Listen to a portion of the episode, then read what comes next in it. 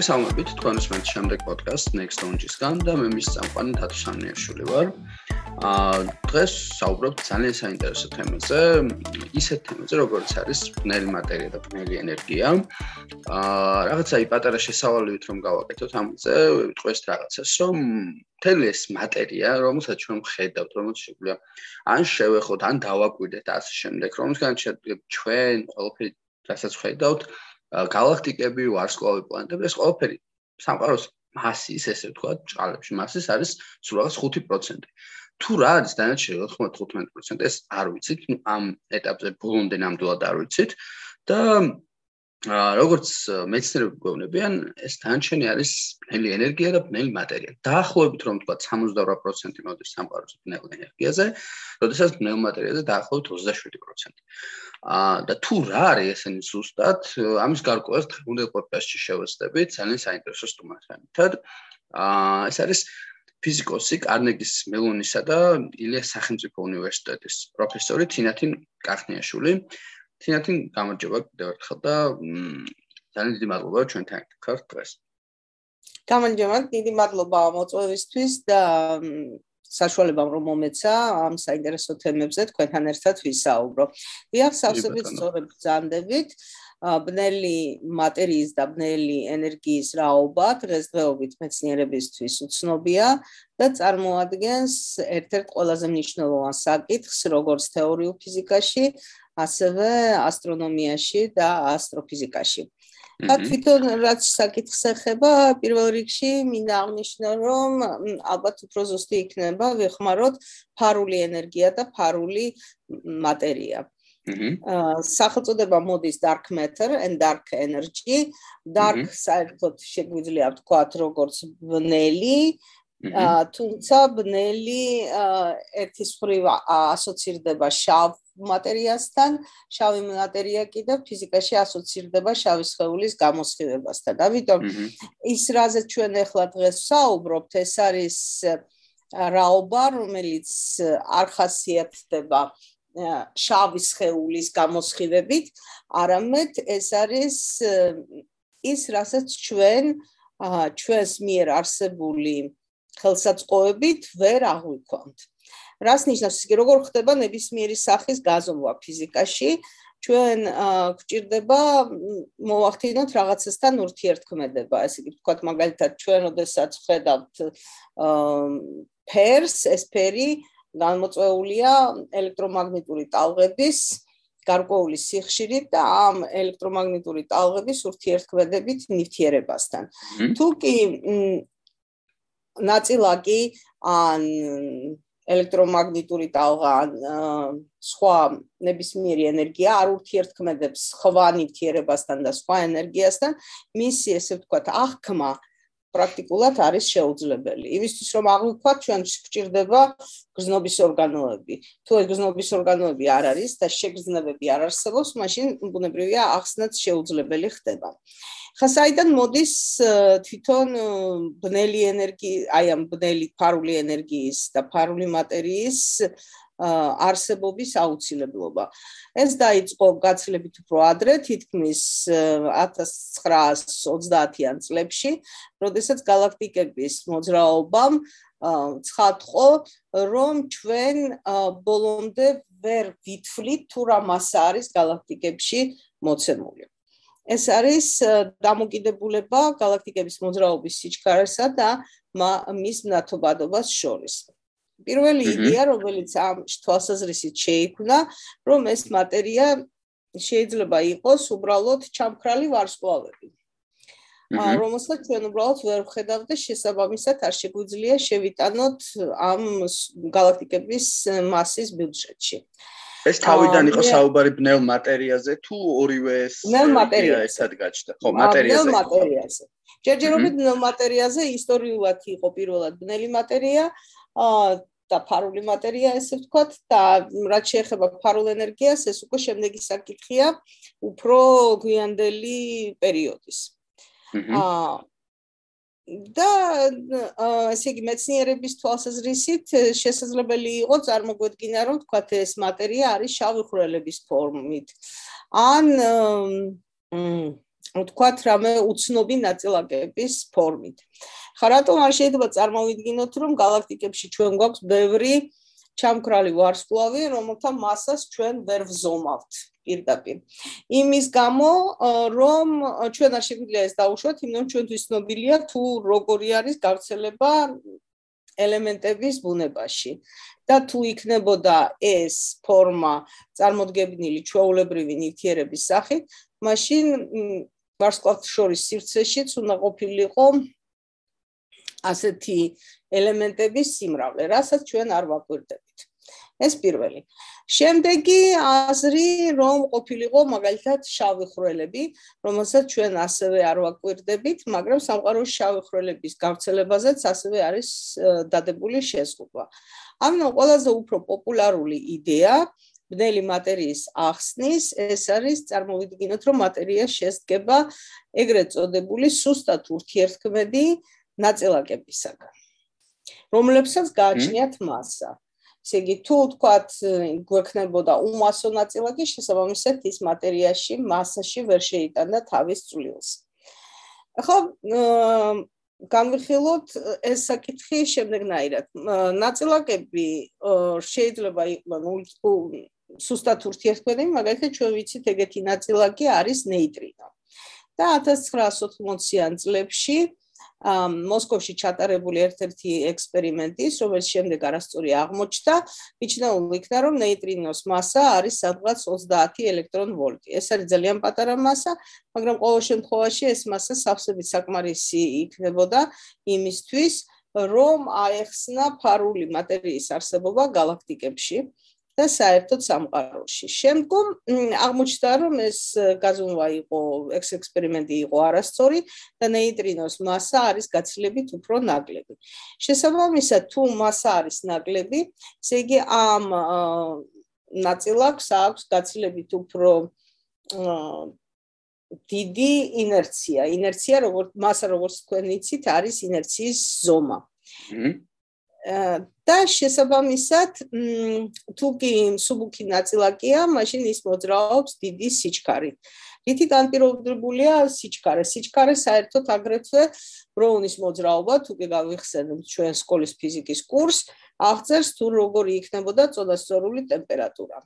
სამყაროში კიდე ჩვენ ვიცით, რომ ტემპერატურა იყო დასაწყისში გაცილებით უფრო დიდი, ესე იგი იმ ადრეულ მომენტში, სამყაროს არსებობის ადრეულ მომენტში ეს ნაწილაკები, სუბუქი ნაწილაკები უნდა მოძრაობდნენ ჩქარა და შესაბამისად მათი უძრაობის ენერგია გაცილებით უფრო ნაკლებია, ვიდრე მათი კინეტიკური ენერგია. ამ შემთხვევაში ამ ნაწილაკებს ქვიათ hot dark matter, ესე იგი ცხელი ფარული მატერია.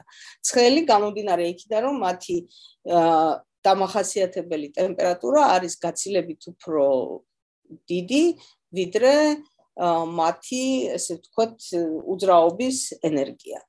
შემდგომ, როდესაც სამყარო ცივდება, ცივდება ის კი გაფართოების შედეგად ნაწილაკების კინეტიკური ენერგიაც ესე ვთქვათ იქნება უფრო პატარა და დგება მომენტი, როდესაც ნაწილაკის აა ультрарелятивистურიდან, ესე იგი მაღალსიჩქარე მოძრავი ნაწილაკიდან ეს ნაწილაკი ხდება არარელატივისტური. ესე იგი ასე ვთქვათ მძიმე ნაწილაკი და ამ მძიმე ნაწილაკი ვთქვათ მაგალითად შეიძლება აღიწეროს ისეთივე განტოლებით როგორიც არის მტრის განტოლება. თუ კი ჩვენ ახლა ამ გაზომვებს ჩავატარებთ აღმოჩნდება რომ სამყაროში ჩვენ გვჭირდება ასეთი ფარული ნივთიერება რომელიც შეადგენს დაახლოებით 27-30%, ესე იგი პრაქტიკულად სამყაროს ჩვეულებრივი ჩვენთვის ნაცნობი ხილული ბარიონული ნივთიერება, ხოლო და მხოლოდ რამდენიმე პროცენტია, როგორც თქვენ აღნიშნეთ, ახლობით 5 მე მგონი, ხო? დიახ. მაშინ როდესაც, მაშინ როდესაც ამ ფარული მატერიის სიმკვრივე საღაც შეიძლება 30%-მდე და 27%-იც იყოს. ამ მაგრამ არსებობს სხვანაირი სახსნაც. იგი საიდან მოვიდა? ესე იგი ჩვენ გვჭირდება ავხსნათ galaktikების მოძრაობა და ამ galaktikების მოძრაობისთვის ჩვენ გვჭირდებოდა ეს დამატებითი massa. მაგრამ საიდან განისაზღვრება galaktikების ანუ მიზიდულობა უნდა ყოფილიყო მეტი, ანუ მე რაღაც ესე ისმის რომ მათ შორის მათი galaktikების ბრუნვის სიჩქარესთან გამომდინარეც უნდა ყოფილიყო რაღაც მეტი massa. ესე მესმის. დიახ, დიახ, აბსოლუტურად სწორია. მაგრამ ეს საიდან ვასკვნით ამ მოძრაობის ესე ვთქვათ განტოლებებს, ხსნით იმის დაშვებით, რომ ნიუტონისეული ფიზიკა მიზიდულობის კანონი არის სწორი კანონი. თუ ჩვენ ახლა შევცვლიდით მიზიდულობის კანონს და ესე იგი პრაქტიკულად გრავიტაციას შევცვლით, მაშინ შეიძლება აიხსნას ეს galaktikis brunvis brunva ყოველნაირი ფარული მატერიის გარეშეც. და ასეთი თეორიები უკვე არსებობდა და მათ ქვია MOND. MOND ნიშნავს modified Newtonian dynamics. ეს თეორიები ამბობენ, რომ ნაცვლად ჩვენთვის ცნობილი ნიუტონის მიზიდულობის კანონისა, კანონი არის ოდნავ სახეშეცვლილი. ეს შეიძლება იყოს სახეშეცვლილი როგორც თავად მუდმივის დონეზე, ესე გრავიტაციული მუდმივის დონეზე, ან შეიძლება იყოს სახეშეცვლილი მანძილზე დამოკიდებულებით. მაგალითად, თუ ჩვენ ვიცხოვრებდით ორგანზომილებიან სივრცეში, მაშინ მანძილის კვადრატის უკუპროპორციული კი არ იქნებოდა მიზიდულობის ძალა, არამედ იქნებოდა უკუპროპორციული კუბის. შესაბამისად, აი ამ ხარისხობრივ დამოკიდებულებით შეიძლება მიღწეულ იქნას სწორი ბრუნვითი წირების მიღება galaktikebistvis, მაგრამ ფარული მატერიის განსაზღვრის და მისი სამყაროში არსებობის განსაზღვრის კიდევ სხვა მექანიზმებიც არსებობს. ეს არის ეგრეთ წოდებული გრავიტაციული ლინზირება. რა არის გრავიტაციული ლინზირება? ესე იგი, თუ ჩვენ საუბრობთ სუსტ გრავიტაციულ ველებზე, ან თუ კი საუბრობთ ცირე მასშტაბებზე, ნიუტონის ფიზიკა, ნიუტონის გრავიტაციის კანონი არის ძალიან კარგად შესწავლილი, შემოწმებული და არის სამართლიანი, მაგრამ როგორც კი ჩვენ გადავდივართ ძლიერი გრავიტაციული ველების შემთხვევაში, ან თუ ჩვენ განვიხილავთ კოსმოლოგიურ მასშტაბებს, ისე იგი მასშტაბებს, რომლებიც არის თანასადარი სამყაროს ზომასთან, ამ შემთხვევაში ჩვენ ვალდებულნი ვართ გავითვალისწინოთ უკვე გრავიტაციის ზოგადი ფარდობითობის თეორია, რომელიც ჩამოყალიბებული იყო აინშტაინის მიერ. ამ ზოგადი ფარდობითობის თეორიის ერთ-ერთი ამ ესე თქვა წინასწარმეტყველება არის გრავიტაციული ტალღების არსებობა, რომელიც აღმოჩენილი იქნა 2015 წელს. გარდა ამისა, რას ნიშნავს ფარდობითობის თეორია? მარტივად რომ ვილაპარაკოთ, აინშტაინის ფარდობითობის თეორია ნიშნავს იმას, რომ ჩვენი ნებისმიერ ადგილას, სადაც გვაქვს ჩვენ მატერია, იქ ან ენერგია, იქ გვაქვს ასევე სივრცის გამრუდება. სხვანაირად რომ ვთქვათ, არის შესანიშნავი გამოთქმა, რომ მატერია და ენერგია ეუბნება სივრცეს თუ როგორ უნდა გამრუდდეს და სივრცე კიდე გამრუდებული სივრცე უკვე ეუბნება მატერიას თუ როგორ უნდა იმოძრაოს. ესე იგი ჩვენ პრაქტიკულად ვერ განვასხვავებთ ერთმანეთისგან გეომეტრიას, და ვერ განვასხოვებთ ერთმანეთისგან მატერიას. ისე იგი თუ სადვე გვაქვს მატერია, გვაქვს ასევე სახეშეცვლილი ბრტყელისგან განსხვავებული გეომეტრია და თუ კი გვაქვს ჩვენ გამრუდება, ესე იგი რაღაც გვაქვს ასევე მატერია და ენერგიაც. აა ეს ესე ვთქვათ, ეს გეომეტრიული ახსნა თეორიის წარმატებულია. აა სუსტი ველების შემთხვევაში ძალიანად გადადის ნიუტონისეულ აღწერაში, თუმცა აა ფარდობითობის თეორია არ არის ერთადერთი თეორია, რომელიც შემუშავებული იქნა და მისი ბოლომდე, ესე ვთქვათ, არ არის ბოლომდე ჩამოყალიბებული, ეს იგი ჩვენ არ შეგვიძლია დაბეჭდეთ ვთქვათ, რომ ეს არის ერთადერთი სწორი თეორია. აი, ერთი რაღაც გამახსენდა უბრალოდ ჩაგეკითხებით, რომ აა ესეთი რაღაც იყო, მე მაგალითად რაღაცებს ამეკითხავს, რომ არიან მეცნიერები, რომლებიც ვარაუდობენ, რომ შეიძლება ჩვენ გრავიტაცია არ გვესმოდეს ბოლომდე და შესაბამისად ის რაც ჩვენ გრავიტაციის ფენომენი არ გვესმოდეს ბოლომდე, სადღაც და აქედან გამომდინარე ჩდებოდეს ეს შავი ბნელი, ანუ ხილოვი მატერიის იდეაც და ის შეიძლება უბრალოდ არ არსებობდეს და არსებობდეს მაგალითად ის პრობლემა რომ ჩვენ გრავიტაცია არ გვესმის კარგად და რამდენად დასაშვებია ეს და აი რამდენად შეგვიძლია ვთქვათ რომ აი სიტყვაზე აი ეს ამ სკაუსი მატერიის იდეა მოჭოლი არსებობს და სიტყვაზე რაღაცა დანაკლისი არ არის ჩვენ ფორმულებში ეს აბსოლუტურად სწორია. სხვანაირად ინგლისურად არის ეს სიტყვა mimic. ესე იგი, ჩვენ შეგვიძლია გქონდეს ისეთი სახეცვლილება გრავიტაციის კანონისა, რომელიც გამოიწვევს მიმიკირებას, ანუ ვთქვათ, ჩაანაცვლებს ფარული მატერიის და ფარული ენერგიის არსებობას. ამაზე კიდევ უფრო ცალკე ვილაპარაკებს და ერთ-ერთი ერთ-ერთი გრავიტაციის თეორიის სახეცვლილება არის რომ წარმოვიდგინოთ მაგალითად რომ გრავიტაციის გრავიტონის მასა კერძოდ გრავიტაციული ტალღის აღწერი ნაწილაკის მასა გრავიტონის იქნება 0-ისგან განსხვავებული, არ იქნება ნულოვანი. ამას ქვია ეგრეთ წოდებული მასიური გრავიტაცია და ამაზე კიდევ უფრო დაწურლებით მაშინ ვილაპარაკებ, როდესაც ბნელ ბნელ ენერგიას შევეხები. ამგვარად ესე იგი არის ერთი მხრივ შეგვიძლია ჩვენ წარმოვიდგინოთ, რომ არის რაღაცა უცნობის სახის ფორმა მატერიის, რაც არის მასას იწევს და მეორე არის რომ წარმოვიდგინოთ რომ არის თქვენ გრავიტაციის კანონის შეცვლა როგორც თქვენ აღნიშნეთ. უფრო პოპულარულია მივიჩნიოთ რომ ფარდობითობის თეორია გრავიტაციის არის სწორი თეორია, galaktikების მასშტაბებში საკმარისია გავითვალისწინოთ ნიუტონის ფიზიკის გრავიტაცია და შესაბამისად ჩვენ გვჭირდება ეს უცხო გაურკვეველი ტიპის მატერიის არსებობის დადგენა. ესე იგი, როგორც აღნიშნე, დამოკიდებულებად იმისა, თუ როგორი იქნება ამ უცხო ნაწილაკების, ჩვენთვის გაურკვეველი უცნობი ნაწილაკების მასა, ჩვენ შეგვიძლია განსხვავოთ ერთმანეთისგან ცხელი და ცივი ფარული მატერია. ესე იგი, მაგალითად, ნეიტრინო არის სუსტად ურთიერთქმედები ნაწილაკი. ესე იგი, ნეიტრინო ისე შეიძლება გაიაროს თლიანა დედამიწის დედამიწის გასშიგნით რომ არც ურთიერთქმედებს არც ერთ სხვა დანარჩენ ნივთიერებასთან და თავისუფლად მოძრაობს.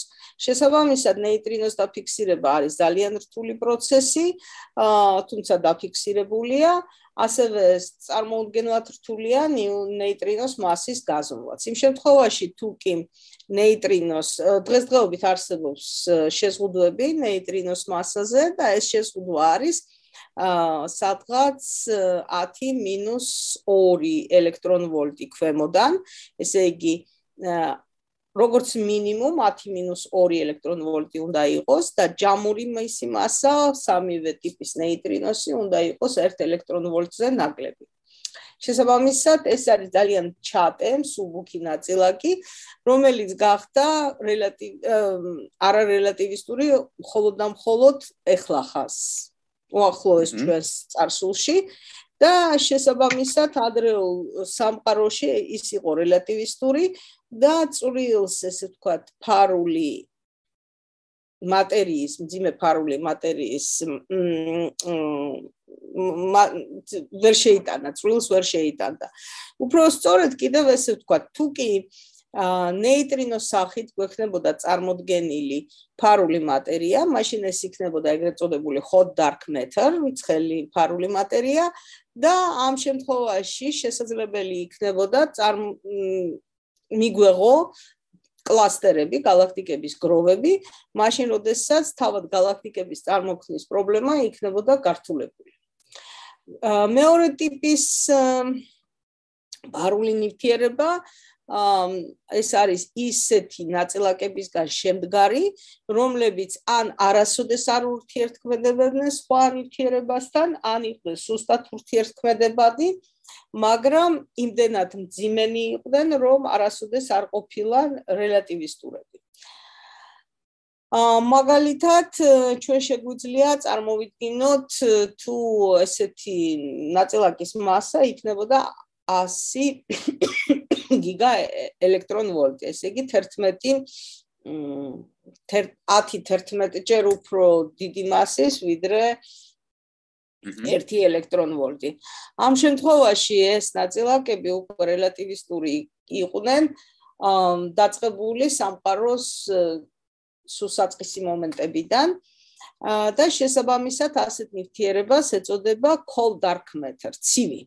ესე იგი მათი მოძრაობის სიჩქარე არის დაბალი, შესაბამისად ისინი ვერ ქმნიან წნევას. ესე იგი თქვენ გაიხსენეთ ფიზიკის კურსი, წნევა იქნება აა თქვათ თუ თქვენ ოთახს აიღებთ, წნევა პასკალის კანონის მიხედვით არის გაწონასწორებული და მიიღება ნაწილაკთა კედელზე დაჯახების შედეგად.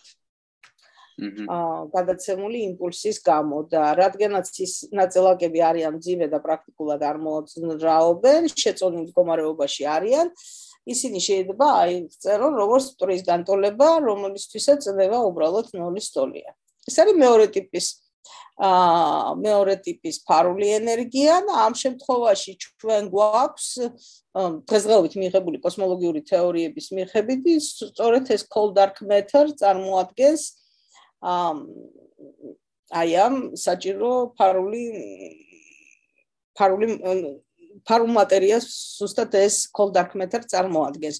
თუმცა მისი მასა დღესდღეობდე უცნობია და უცნობია რა ტიპის ნაწილაკები მას წარმოქმნიან. ანუ მე ესეთი კითხვა მიჩნდება უბრალოდ რომ ანუ აი წარმოვიდე სმენელს ამბობს შეიძლება საერთოდ არ კონდეს წარმოქმნა ანუ შეიძლება არ კონდეს ფიზიკასთან და აქედან გამომდინარე აი რაღაც ის უფრო ისე რომ ვთქვათ რა ანუ მაგალითად აი ბნელი მატერიას ასე ვეძახით ჩვენ გინდა ხო ანუ რაღაცა ნაწილაკების დონეზეც როგორ წარმოგვიდგენია როგორ შეიძლება იყოს მათი არსი რა. ანუ თუ შეიძლება სიტყვაზე ესეთ რაღაც იყოს რა ნაწილაკებისგან არ შედგებოდეს მაგალითად აი რაღაც ეგეთი როგორ კი ეს შეიძლება ნაწილაკებისგან არ შემდგარი უფრო სწორედ არის ესეთი ჰიპოთეტიური ნაწილაკი რომლის ბუნება ჩვენ არ ვიცით.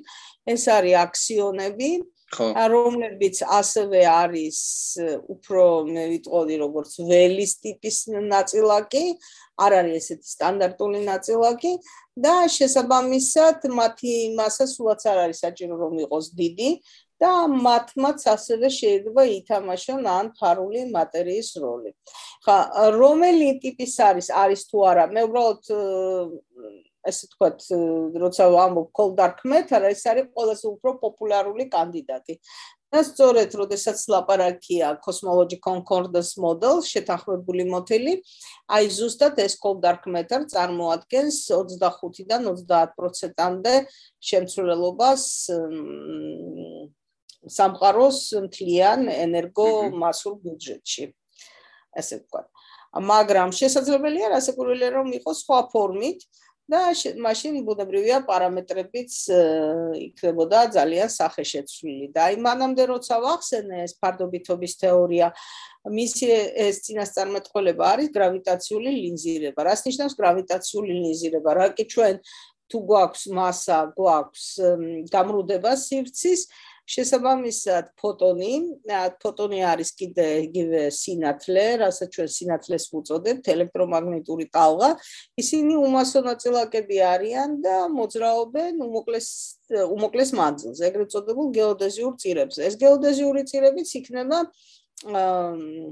გამრუდებული და შესაბამისად ნაცვლად იმისა, რომ თქვა თუ კი თუ კი სინათლეს გზაზე დახვდა, თქვა ჩავი ხრელი ან მასიური ობიექტი, მაშინ ამ სინათლის გადახრა ხდება. მიუხედავად იმისა, რომ ფოტონს მას არ აქვს, ეფექტურად ეს მასიური სხეული გრავიტაციულად თითქოს და ფოტონს იზიდავს. გასაგებად ვთქვი თუ არა, გამრუდებულია მისი მოძრაობის წილი. კი ბატონო, კი ბატონო. და უბრალოდ ეს რაღაც გამიშდა შეკითხვა რა, აი კიდე ან თამსვენელმაც რომ ეს გაიგოს ეს დააღნიშნა რომ ან სიტყვაზე ნელ მატერიას ან ვაკავშირებთ იმასთან რომ სამყაროს ერთმანეთთან აკავშირებს ხო რაღაც დონეზე ანუ გრავიტაციის რაღაც ფუნქციას ასრულებს და აი ეს ბნელი ენერგია რაც საკეთებს არის რომ პირიქით აცალკევებს ხო თითქოს სამყაროს და ხო ეს სხვა არის მაგრამ მაგნამდე ჯერ არ მივსულ ვარ სანამდე მივიდოდი კი ბატონო უბრალოდ ხარ ამშვენებ რომ ანუ და აი ეს თვითონ იდეის დონეზე მინდოდა რა რომ ანუ დამეშვა შეკითხვა რომ ანუ თვითონ რამდენად ფუნქციურ დონეზე რო ვისაუბროთ ამათზე ანუ რამდენად შეიძლება იყოს რომ მართლა სრულად ფუნდამენტური ძალები იყოს რომლებსაც პოტენციალი აქვს რომ საერთოდ გადამოაყირაონ კიდაც ის გაგება როგორც გვესმის ჩვენ სამყარო ანუ თუ აი აი რა როგორ წარმოგიდგენიათ თქვენ ის მაგალითად ასე იგი, ჩვენთვის ცნობილია დღესდღეობით 4 ფუნდამენტალური ძალა. ეს არის გრავიტაცია, ეს არის სუსტი, ძლიერი და ელექტრომაგნიტური ურთიერთქმედება. სუსტი, ძლიერი და ელექტრომაგნიტური ერთიანდება ერთიანი ველის თეორიის ფარგლებში. მაშინ, როდესაც გრავიტაცია არის განცალებულად და ასე ვთქვათ, აი თეორია, რომელიც გაერთიანებს ოთხივეს, ჯერჯერობით არ არსებობს. მეორე მხრივ, არ არის აკრძალული, რომ შეიძლება არსებობდეს ეგრეთ წოდებული მეხუთე ძალა. ან მეხუთე ტიპის ურთიერთქმედება, რომელიც ჩვენ არ ვიცით. მაგალითად, შეიძლება არსებობდეს ურთიერთქმედება ფარულ მატერიასა და ფარულ ენერგიას შორის. რაგი ჩვენ არ ვიცით არც ერთის რაობა, შესაბამისად არ შეგვიძლია ვთქვა თუ არსებობს მათ შორის რაღაცა ურთიერთქმედებები, მაგრამ რადგანაც ის განცალებულია ყველა ოთხი დანარჩენისგან, ამიტომ მისი ესე ვთქვა დაჭერა, მისი აღქმა არის გართულებული, ესე იგი ეს არის ძალიან ჰიპოთეტური, ეს პრაქტიკულად რითი განსხვავდება, თქვათ, მათემატიკური თეორია ფიზიკის თეორიისაგან, რომ წყობრი ჩვენ შეგვიძლია შევქმნათ რამდენიმე და ათეულობით და ასეულობით წყობრი კოსმოლოგიური თეორიები, თუნდაც თეორიული ფიზიკის თვალსაზრისით აბსოლუტურად გამართლებული. მაგრამ როგორც თქვენ გესმით, არსებობს მარტო ერთი სამყარო, არსებობს მარტო ერთი რეალიზაცია და ერთადერთი თეორია იქნება ერთადერთი სამართლიანი. ამიტომ მეცნიერული მიდგომა შემდგომია, რომ თქვენ აყალიბებთ მოდელს კოსმოლოგიურს, თქვენ წერთ ამ მოდელს დამოკიდებულებით ცნობილი თქვენთვის ფიზიკის კანონების მიხედვით და აკეთებს წინასწარმეტყველებას, ამბობთ, რომ აი ეს თუ გაიზომება, მაშინ უნდა მივიღო ესა და ეს შედეგი.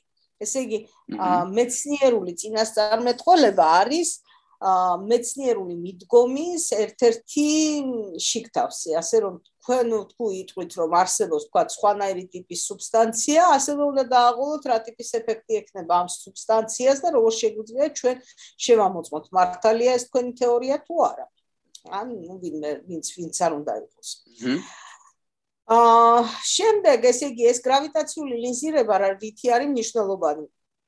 რომ ფოტონები გადაიხრება და თქვა თუ თქვენ დახვდა შავი ხვრელი აი ამ მიმდინარე შუქს, მაშინ ნაცვლად ერთი გასმოსახულებისა თქვენ შეგიძლიათ მიიღოთ რამდენიმე გამოსახულება. ან მაგალითად სუფთა სფერული ტიპის ობიექტი შეიძლება წაგრძელებული აღმოჩნდეს. ზუსტად ისეთივე ალბათ ბავშვობაში ქონიათ გამრუდებული სარკეების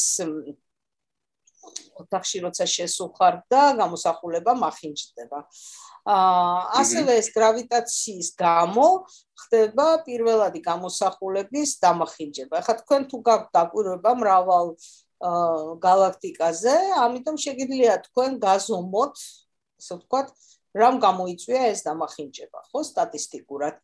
და ამას ქვია ეგრეთ წოდებული weak lensing, weak ნიშნავს სუსტ ლიზირების ეფექტს, მაგრამ რამდენადაც არის გასაშვალოების ეფექტი, თქვენ შეგიძლიათ აღადგინოთ რა სად არის ეს თქვენი უხილავი ფარული მატერია დამაგებული, ხო?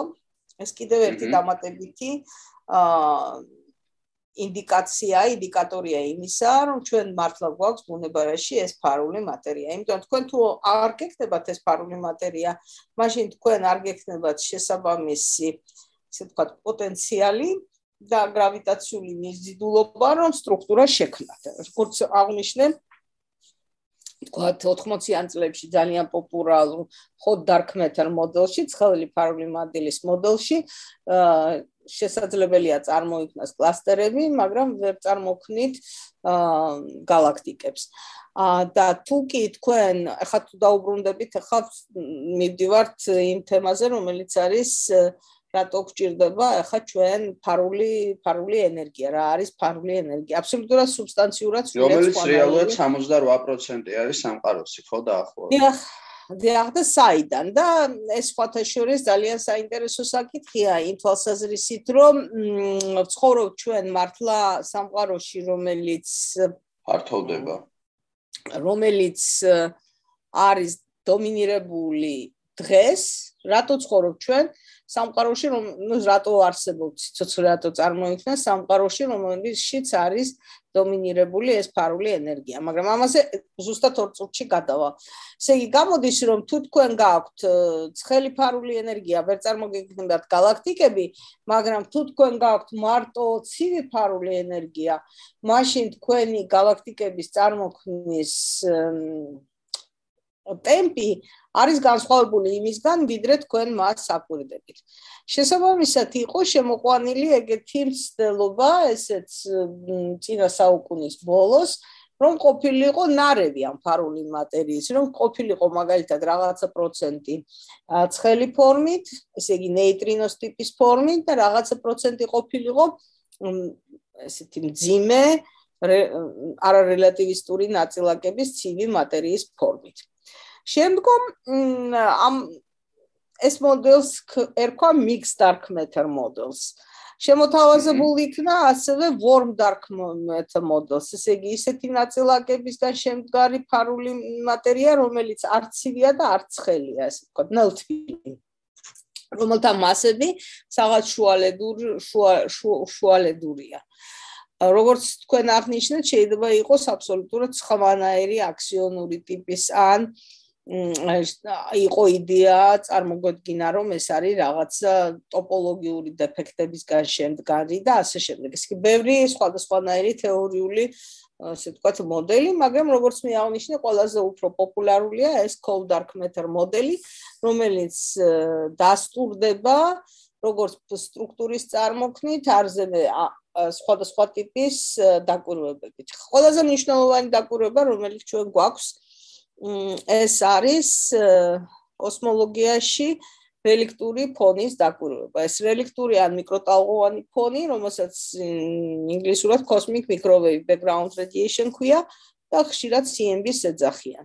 ეს არის ის დანატოვარი, რომელიც წარმოიქმნა ადრეულ სამყაროში, მაშინ, როდესაც ფოტონებმა, ესე იგი ელექტრომაგნიტურმა ურთიერთქმედებამ შეწყვიტა ურთიერთქმედება პირველად პლაზმასთან და მოხდა წყალბადისა და ჰელიუმის ნეიტრალური ატომების შექმნა. ამ პერიოდს ქვია რეკომინაციის პერიოდი, სიტყვა რეკომინაცია მიანიშნებს, რომ წყალბადი და ჰელიუმი შეიქმნა ნეიტრალური ფორმით. ან ძალიან ხშირად ქვია last scattering surface. last scattering ნიშნავს, რომ როდესაც ბოლოჯერ მოხდა ფოტონების გაბნევა პლაზმაზე. ან decoupling moments, decoupling, როდესაც აი ჩამოშორდა. ყველა ეს მომენტი ერთმანეთთან ოდნავ ფიზიკურად განსხვავდება, მაგრამ მეტნაკლებად ერთი და იგივე პერიოდში განხორციელდა დაახლოებით, როდესაც სამყაროს ასაკი იყო 360.000 წელი. აა დღევანდელი ასაკი არის 13 მილიარდი 700.000 წელი. ეხლა წარმოიდგინეთ, აი ამ მილიონ წელიწადზე უფრო ახალგაზრდა სამყაროდან დღემდე მოსული, აი თქვენ დადეცხვათა შორის Facebook-ზეც ეს ძალიან საინტერესოა, რომ აღმოჩენილი იქნა ყველაზე მაღალი რეჩიფის განცალებული ვარსკვლავი, რაც არის ერთ-ერთი ასე ვთქვათ ძალიან შთამბეჭდავი შტამბეჭდავი აღმოჩენა, მაგრამ რაზე ჩვენ ვლაპარაკობთ, ეს კიდევ უფრო ადრინდელია. თუ Z უდრის 6 თქვენის შემთხვევაში ამ ვარსკვლავისთვის, ამ შემთხვევაში საუბარი არის Z უდრის 1100. ესე იგი, როდესაც სამყაროს რადიუსი იყო 1000 ჯერ უფრო პატარა, ვიდრე დღევანდელი. ეს კოსმოსური მიკროტალღოვანი ფონი დასტურია იმისა, რომ სამყაროს ქონდა ცხელი საწყისი. ანუ საუბრობთ იმაზე, რომ რადიუსი გულისხმობთ იმას, რომ უფრო გაფართოვდა, ხო, სამყარო და რეალურად დია. 1000 ჯერ უფრო. ა მეჯერ არ გაფართოვებულა, მე რაღაც წარმომდგენია, რომ ბევრად უფრო არა, ეს გაფართოვდა ეს დაწყებული კოსმოსური მიკროტალღოვანი ფონის შექმნიდან დღემდე. აჰა, აჰა, გასაგებ. ეს რომელი რამდენი ხნის იყო ანუ სამყარო მაგ დროს დაახლოებით? 370.000 წლის. დღეს არის 13 მილიარდ 800 მილიონი წლის. და იმის შემდეგ გაიზარდა 1000 ის იყო რაღაც 11 მილიონი წელი და ეხლა საუბარია 11 მილიარდი წელი და ეხლა საუბარია რაც არის დაშორებული თქვენგან 13 მილიარდ 800 წლით. აჰა. ესე იგი, მაგრამ გაფართოება მარტო 1000 ჯერ განხორციელდა, 1100 ჯერ.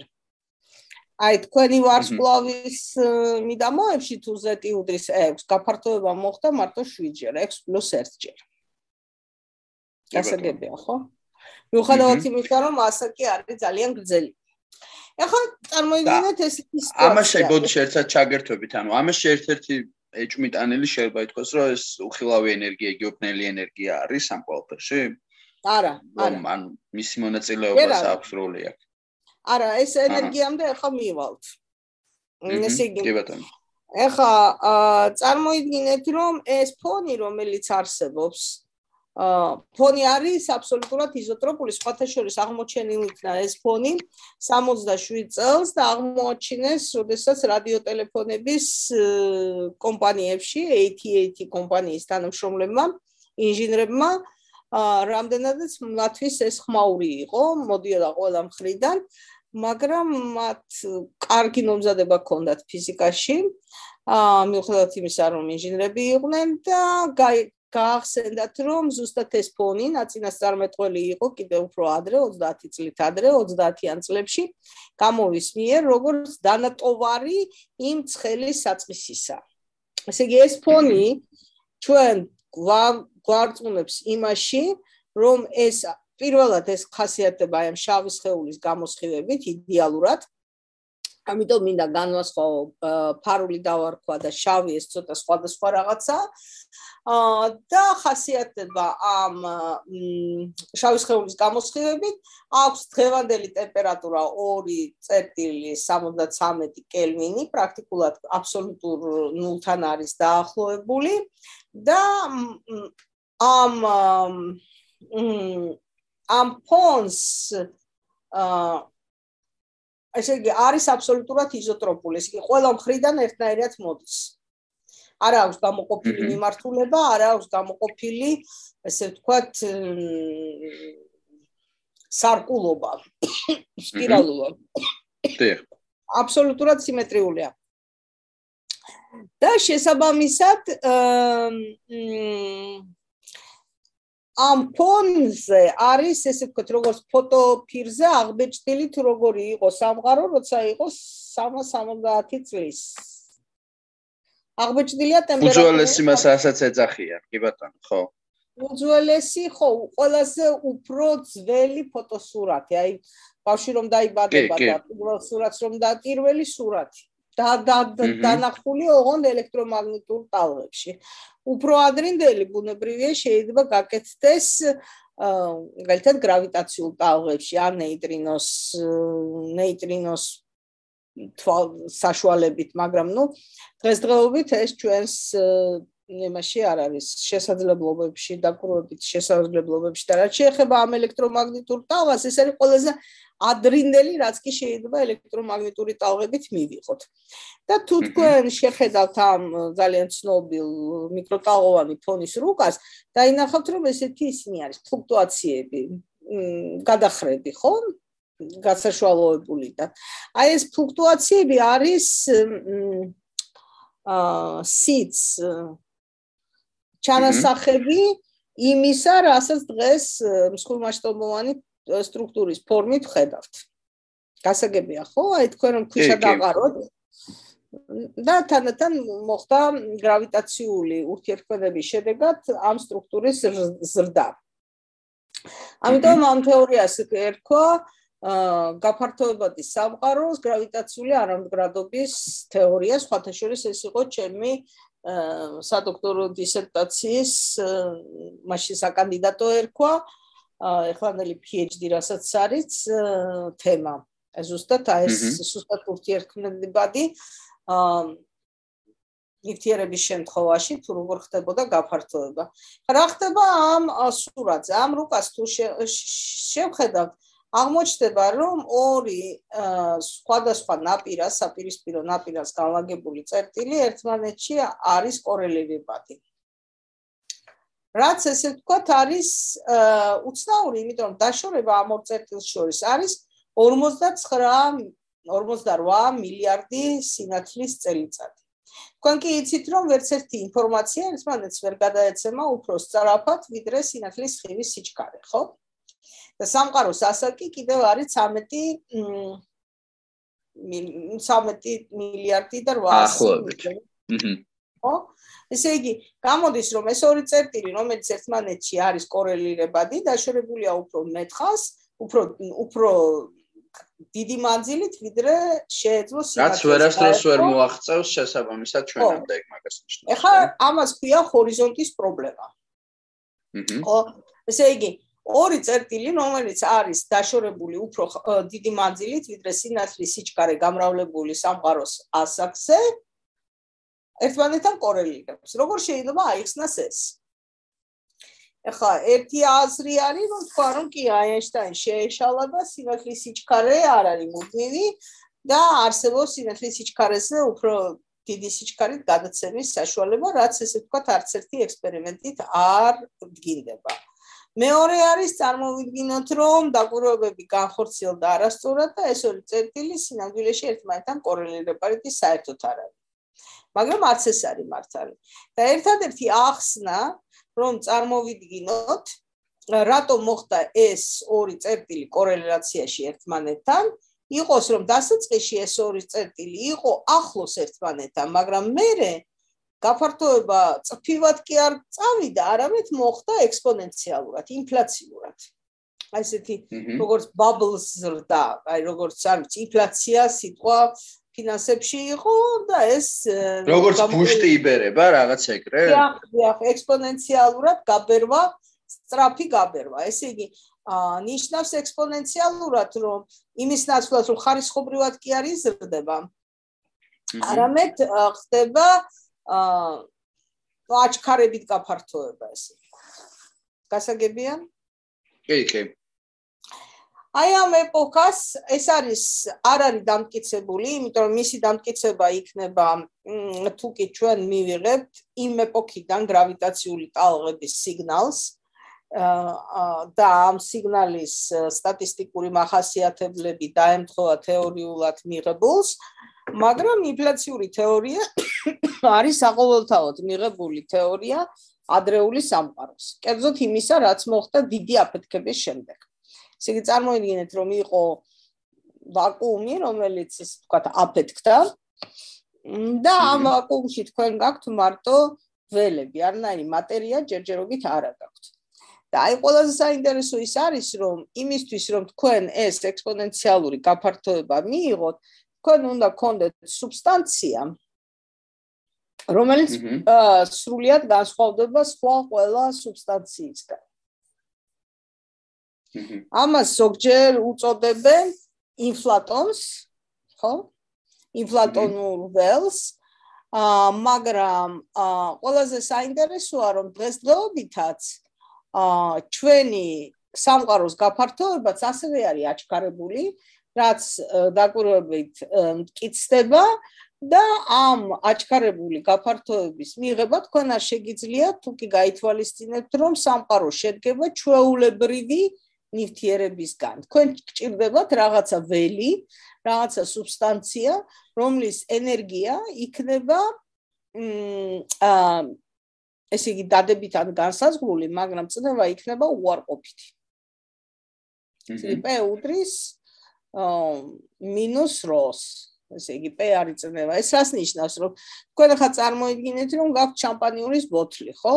იმისთვის, რომ აა ესე იგი მოხსნათ თავი, ამისთვის შიგნიდან გაქვთ დადებითი წნევა, რომელიც ამ შამპანიურს გახსნის, ხო? თქვენც რომ არ მიიღოთ, მაგრამ აქ კიდე პირიქით არის აა ესე იგი პირიქით მოხდება ჩაწო ჩა ჩა ნუ როგორც შიგნით შევა სახურავი და არა გარეთ. აჰა. უარყოფითი წნევა. ამ უარყოფითი წნევის მიღება აა ვერანაირად ნუ ჯერჯერობით არ განხორციელდა ვერც ერთ ლაბორატორიაში და ისიც არ არის გამორიცხული რომ საერთოდ მისი განხორციელება შეიძლება თუ არა. იმიტომ რომ ეს ეგრეთ წოდებული რასაც ჩვენ მოძახით ფარული ენერგია, ეს ფარული ან ბნელი ენერგია მოქმედებს მხოლოდ და მხოლოდ კოსმოლოგიურ მასშტაბში. ეს იმას ნიშნავს, რომ თქვა ჩვენთან ოთახში ან ჩვენთან galaktikაში ან მზის სისტემაში ეს გაფართოება არ არის. გაფართოება არის მხოლოდ სიცარიელეში. ანუ მარტივად რო ვთქვა, ესე იგი, როდესაც ორი ადამიანი ერთ ოთახში ისინი ერთმანეთს არ შორდებიან და იგივე ეს სამყაროს გაფართოება მაგაზე არ აისახება, არამედ აისახება უფრო დისტანცირებულ ობიექტებზე და მაგის პასუხი არის მაგალითად რატომ გვიახლოვდება ანდრომედას galaktika, იმიტომ რომ ანდრომედას galaktika რეალურად ახლოს არის. არა, ერთი წუთით, ერთი წუთით აქ ძალიან მნიშვნელოვანია. გაფართოება ყოველთვის შეგეძლებოდა თქვენ. ხო, თუნდაც რომ არ ყოფილიყო ეს ფარული ენერგია. აჩქარებით გაფართოებაზე არის საუბარი. აჰა. რო ჩქარდება გაფართოება, ანუ ხო რომ ჩქარდება გაფართოება. და ისე მოხდა რომ თუ კი ფარული მატერია არის რაღაც 30% თქვათ დაახლოებით. და ეს არის 70 და ვიწყოთ ის 5 ხილული რაც ჩვენ არც გვაინტერესებს. მაშინ გამოდის რომ რიგით ისინი ერთმანეთ თის თანათანაზია თანატოლები არიან, ხო? ნუ თითქმის ერთი და იგივეა, სად 30 და სად 70%, ხო? რიგით ერთი და იგივეა. და ეს არის ეგრეთ წოდებული აი, რიგით ერთი და იგივეა ვერ მივხვდი რას ნიშნავს, მართალი გითხრათ. აა, ნუ ესე იგი, რიგით რიგით რას ნიშნავს? რიგი მათემატიკაში ნიშნავს 10, ხო? 10 ჯერ ხომ არ არის განსხვავება მათ შორის, ხო? არის აა, მაგას გულისხმობ. თითქმის ერთნაირია, ხო? ანუ ეს ანუ აჰა, შესაბამისად ეს არნიშნავს, რომ ბევრად მეტია მაგას ამბობთ. ბევრად მეტია, რიგით ერთი და იგივე. აა მაგ order of magnitude ინგლისურად. აა ესე იგი 10 ჯერ მეტი არ არის. და ეს არის ეგრეთ წოდებული coincidence problem. რატომ რატომ მოხდა მათი ენერგიების, ესე იგი ფარული ენერგიის სიმკვრივისა და ფარული მატერიის სიმკვრივის ესეთი ერთმანეთთან მსგავსება. აჰა. ამას ქვია დამთხოვის coincidence problem, დამთხოვის პრობლემა, რომელიც დღესდღეობით არის გადაუჭრელი. გარდა ამისა, აქ საინტერესო რატო არის გადაუჭრელი ანუ ამ შემთხვევაში? იმიტომ ამიხსენით, რატომ შეიძლება, რატომ, აი მაგალითად, ნუ ახლა თუ გავანებებთ რელიგიურობას თავს და რაღაცა, ხო? ეს უბრალოდ დამთხევა მოხდა, თუ მოხდა რაღაცა ну რა ვიცი ფიზიკური ის აქვს საფუძველი ან ჩანაფიქრია თუ ის არის დამთხოვო მაგას გულისხმობ ну ხო აი უბრალოდ დაემთხვა თუ რაღაცა ფიზიკური კანონი მოქმედებს და აი თქვენ ახლა რომ წარმოიდგინოთ რომ ეს ფარული მატერია და ეს ფარული ენერგია ერთმანეთთან ურთიერთქმედებს ხო ესე იგი ერთმანეთთან ესე ვთქვათ კორელირებს აჰა მაშინ ეს დამთხოვა იქნებოდა ფიზიკური აჰა. ხო? აჰა. კი ბატონო. ისე იგი მე თუ თქვენთან ლაპარაკობ ერთი და იგივე ენაზე, ჩვენ ერთმანეთი გვესმის, ხო? ან რა ვიცი, ნუ რა ვიცი, ორი ბავშვი ერთდროულად ტყუპები დაიბადნენ ერთად, ხო? ერთი მშობლებისგან და მათ შორის არის ისეთი ნათესაური კავშირი რაღაცნაირად. ნათესაური კავშირი ფიზიკაში ნიშნავს ურთიერთქმედებას, ხო? კი ბატონო. ამას ქვია ფარული ენერგიისა და ფარული მატერიის ურთიერთქმედი თეორიები, ჰიპოთეტური რასაკვირველია, ხო? მაგრამ გარდა ამისა არსებობს კიდევ, ესე იგი, პირველად ეს ფარული ენერგიის შეცნება, როგორც კოსმოლოგიური მუდმივა შემოიყვანა ალბერტ აინშტაინმა იმისთვის რომ გაეწონეს სწორებინა და მიიღოს სტატისტიკური სამყარო. არ უნდა და მას გაფართოებული სამყარო და სწორედ მაშინ, როდესაც აღმოჩნდა რომ სამყარო ფართოვდება, აინშტაინი თვლიდა რომ კოსმოლოგიური მუდმივა ყველაზე დიდი შემოყვანა მუდმივის ყველაზე დიდი შეცდომა იყო. დღესდღეობით ჩვენ არ ვიცით აი ამ აშკარებულ გაფართოებას ახორციელებს დინამიური, ესე იგი დროში ევოლუცირინებადი ფარული ენერგია. თუ კი ეს არის რაღაცა კოსმოლოგიური კონსტანტა. რატომ ახლა ცუდია რომ ეს კოსმოლოგიური კონსტანტა იყოს? აი ვითომ რატომაც ხო? საქმე იმაშია რომ ერთადერთი ახსნა რომელიც შეიძლება ქონდეს კოსმოლოგიურ კონსტანტას ეს არის ვაკუუმის ენერგიასთან დაკავშირებული მცნება ხო? თუ ახლა ჩვენ ამ ენერგიას უბრალოდ განზომილების თვალსაზრისით შევადგენთ, მაშინ ამ ეს ენერგია იქნება 10 ხარისხად 120, ესე იგი 10 120 0 რომ მიუწეროთ, უფრო სუსტი ვიდრე ეს უნდა ყოფილიყო თეორიულად ნაცინასწარ მეტყველი. ხო? ესე იგი რაღაცა რაღაცა გაურკვეველი მიზეზების გამო კვლავ მოხდა ისე რომ სიზუსტე არის ძალიან პატარა, ესე იგი ნუ პრაქტიკულად არ არსებობს და მეორე კიდევ არის სხვა საინტერესო რაღაც რომ ჩვენი სამყარო სრული ენერგია, ყველა დაკვირვებით მინიშნებული, ნიშნავს იმას, რომ ტულია რაღაცა კრიტიკული ენერგიის, ხო? რატომაც ისე არის შედგენილი ეს ბიუჯეტი, რომ კრიტიკული ენერგიის ტოლია და ჩვენი სამყარო არც უსასრულოდ ის ის არის, რა ქვია, არ იქნება გამრუდებული და არის ბრტყელი, ოღონ დიდ კოსმოლოგიურ მასშტაბებზე თუ ვიმსჯელებთ. ხო და ეს არის აბსოლუტურად გამოუცნობი, გამოუცნობი, არც ჩაკეტილია და არც ღია. ხო, იყო open universe, closed universe და ჩვენ ვართ კიდე ბრტყელი. ხო. ეს არის კიდევ ერთი პრობლემა, რომელიც ჩვენ არ ვიცით რატომ. და ეხლა წარმოიდგინეთ, თუ რაღაცა ეს კოსმოლოგიური კონსტანტა არის დროში მუდმივი, ხო? ამ დროს თქვენ იცით, რომ ფარული მატერიის ენერ სიმკვრივე კიდე დროში იცვლება, იმიტომ რომ სამყარო ფასფრთოვდება, ხო? ესე იგი, შეიცვლება როგორც ერთი გაყოფილი რადიუსის კუბი, ხომ არ თალია მოცულობა ხომ არის ერთი გაყოფილი რადიოს კუბზე ესე იგი სიმკრივე ფარული მატერიის ეცემა? ესე იგი წარსულში ფარული მატერიის სიმკრივე იყო გაცილებით უფრო დიდი ვიდრე დღეს არის.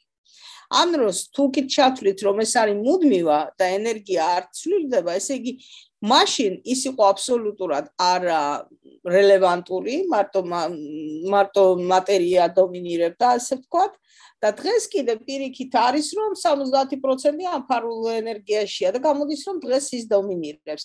რატო მოხდა რომ ჩვენი არსებობა ნუ როგორ ვთქვა დედამიწის მზის სისტემის galaktikis და ასე შემდეგ განხორციელდა ზუსტად იმ პროცესში, როდესაც ისინი თითქმის ერთმანეთის ტოლი ენერგიებით არის.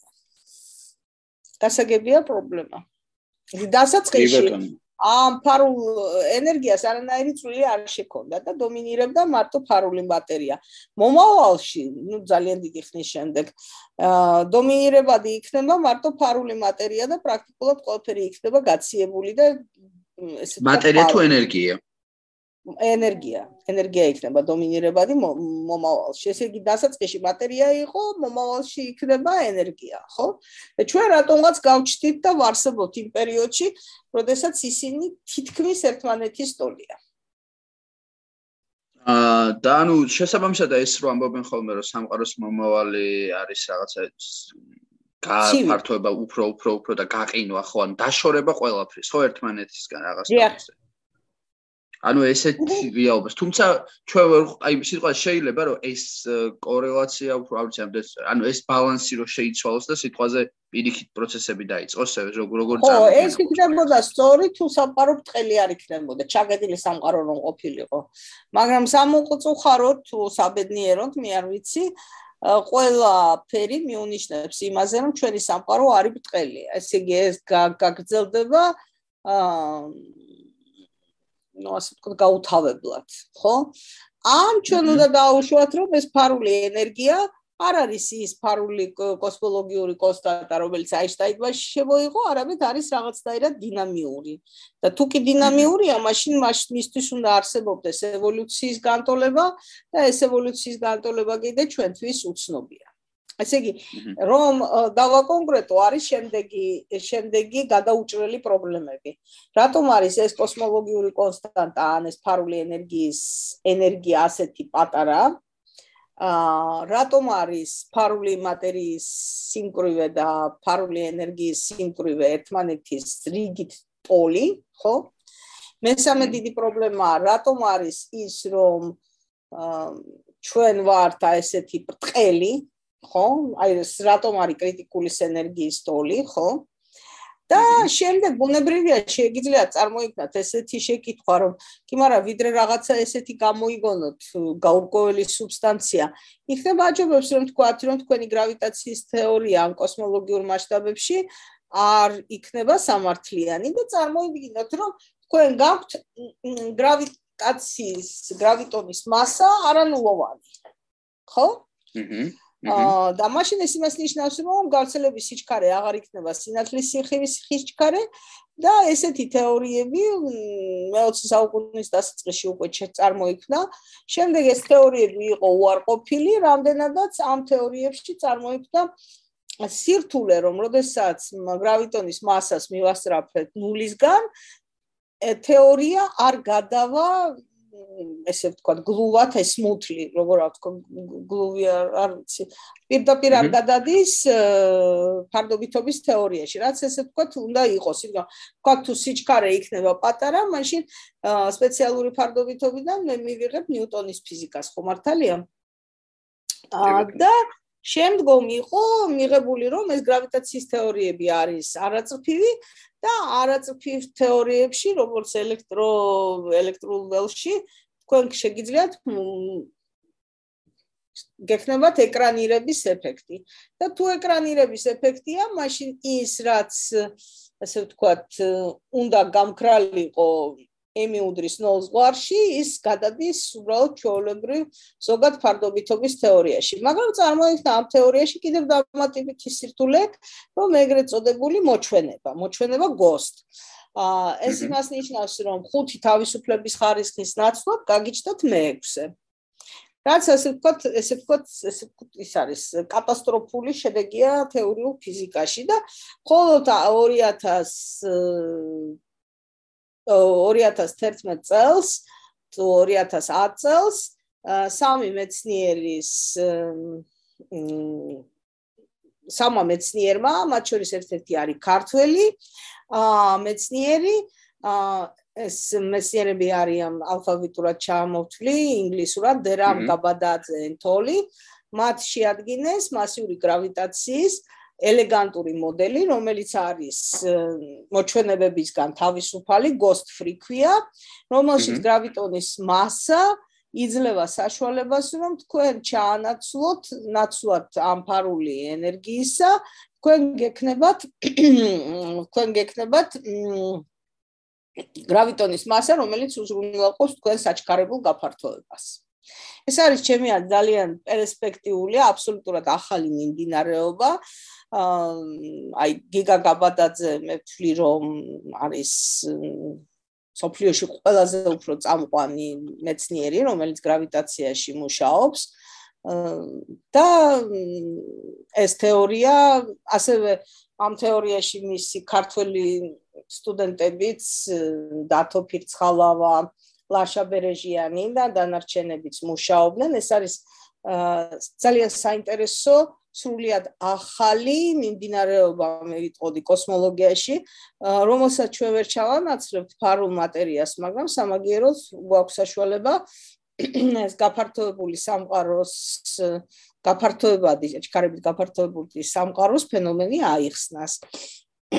და ფიზიკოსებისთვის არსებობს უბრალოდ შესანიშნავი არაერთი დაწერილი ამ თეორიის გარშემო ესეთი review paper და პირადად მე ვთვლი რომ ამ მოდელს, აი ამ მასიური გრავიტაციის მოდელს ძალიან დიდი სამეცნიერო პოტენციალი აქვს ამომავლოდ.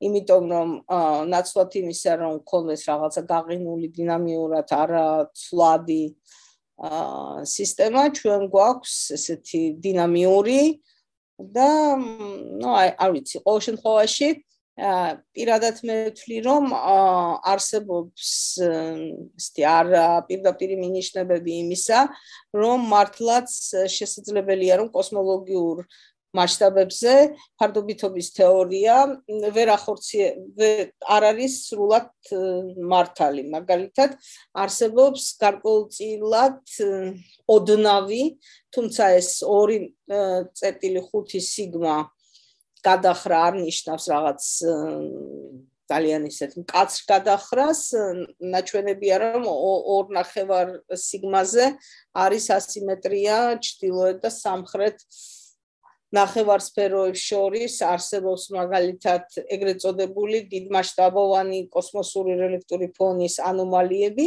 რომელიც სავარაუდოდ ამისი გადაჭრით თქმა რთულია, იმიტომ რომ მოდელი არის თვითონ ჯერ კიდევ ბოლომდე არ არის თქვათ ჩამოყალიბებული ამ მოდელსაც აქვს თავისი გარკვეული სირთულეები.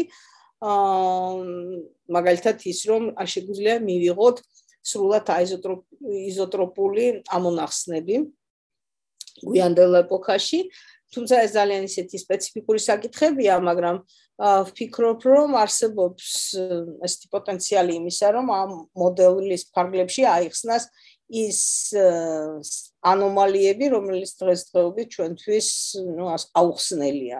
ესეთი puzzles რასაც ქვია. ქართულად არის თავსატეხები, კოსმოლოგიური თავსატეხები. თუმცა ბუნებრივია ამოუხსნა პრობლემა დრჩება, რაც წარმოადგენს ეს ფარული მატერია, აბსოლუტურად გაურკვეველია, იმიტომ რომ თითქოს და ჩვენი ნაწილაკთა ფიზიკის ექსპერიმენტები ისე დონეზეა უკვე, რომ ამ ფარული მატერიის ნაწილაკების დაფიქსირება უნდა უკვე უნდა მომხდარიყო, მაგრამ ნუ ყოველი შემთხვევისთვის დღევანდელი მონაცემები დაგროვებითი მონაცემები არის 1%-ის სიზუსტეზე, ყოფი მაშინ როდესაც აა მაშინ როდესაც ეს თეორიული მოდელების განუსურველობა სადღაც რამდენიმე 70 და 90%-ია. აა ის რა არის? აი მაგალითად ეს აი ხო არის მაგალითად რაღაც სპეციალური ექსპერიმენტებს ატარებენ მათ შორის აი მატერიაზე გამახსენდა როდესაც რაღაც მიწის ქვეშ სპეციალურ ლაბორატორიებში ცდილობენ რომ დააკვირდნენ ამასო დააფიქსირონ ხო?